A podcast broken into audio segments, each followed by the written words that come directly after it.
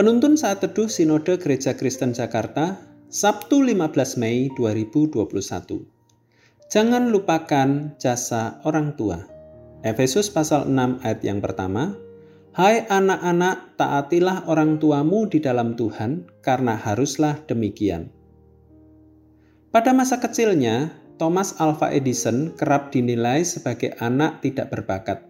Ia memiliki gangguan pendengaran sehingga sulit mengikuti proses pembelajaran di sekolah. Akibatnya, ia sering dimarahi oleh guru. Ia bahkan dicap sebagai anak yang bodoh.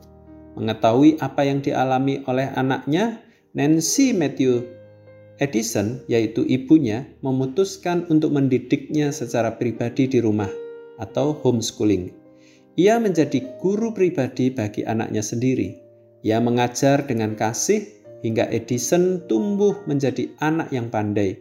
Siapa sangka di kemudian hari anak yang dicap bodoh itu menjadi penemu bola lampu.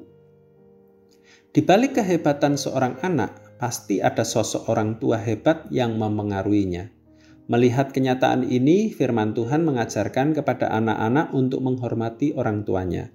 Hai anak-anak, taatilah orang tuamu di dalam Tuhan Demikianlah tertulis dalam Efesus pasal 6 ayat yang pertama. Sayangnya, banyak anak telah sukses namun melupakan jasa orang tuanya. Ketika ayah atau ibu mereka telah tua, alih-alih merawatnya, mereka memasukkannya ke panti werda. Sungguh tidak sebanding dengan jasa orang tua mereka. Benar kata orang bijak, satu orang tua bisa merangkul sepuluh orang anak, namun 10 orang anak belum tentu dapat merangkul satu orang tua. Kembali pada kisah Edison. Pernahkah Anda bayangkan apa yang terjadi pada Edison jika ia tidak memiliki ibu seperti Nancy?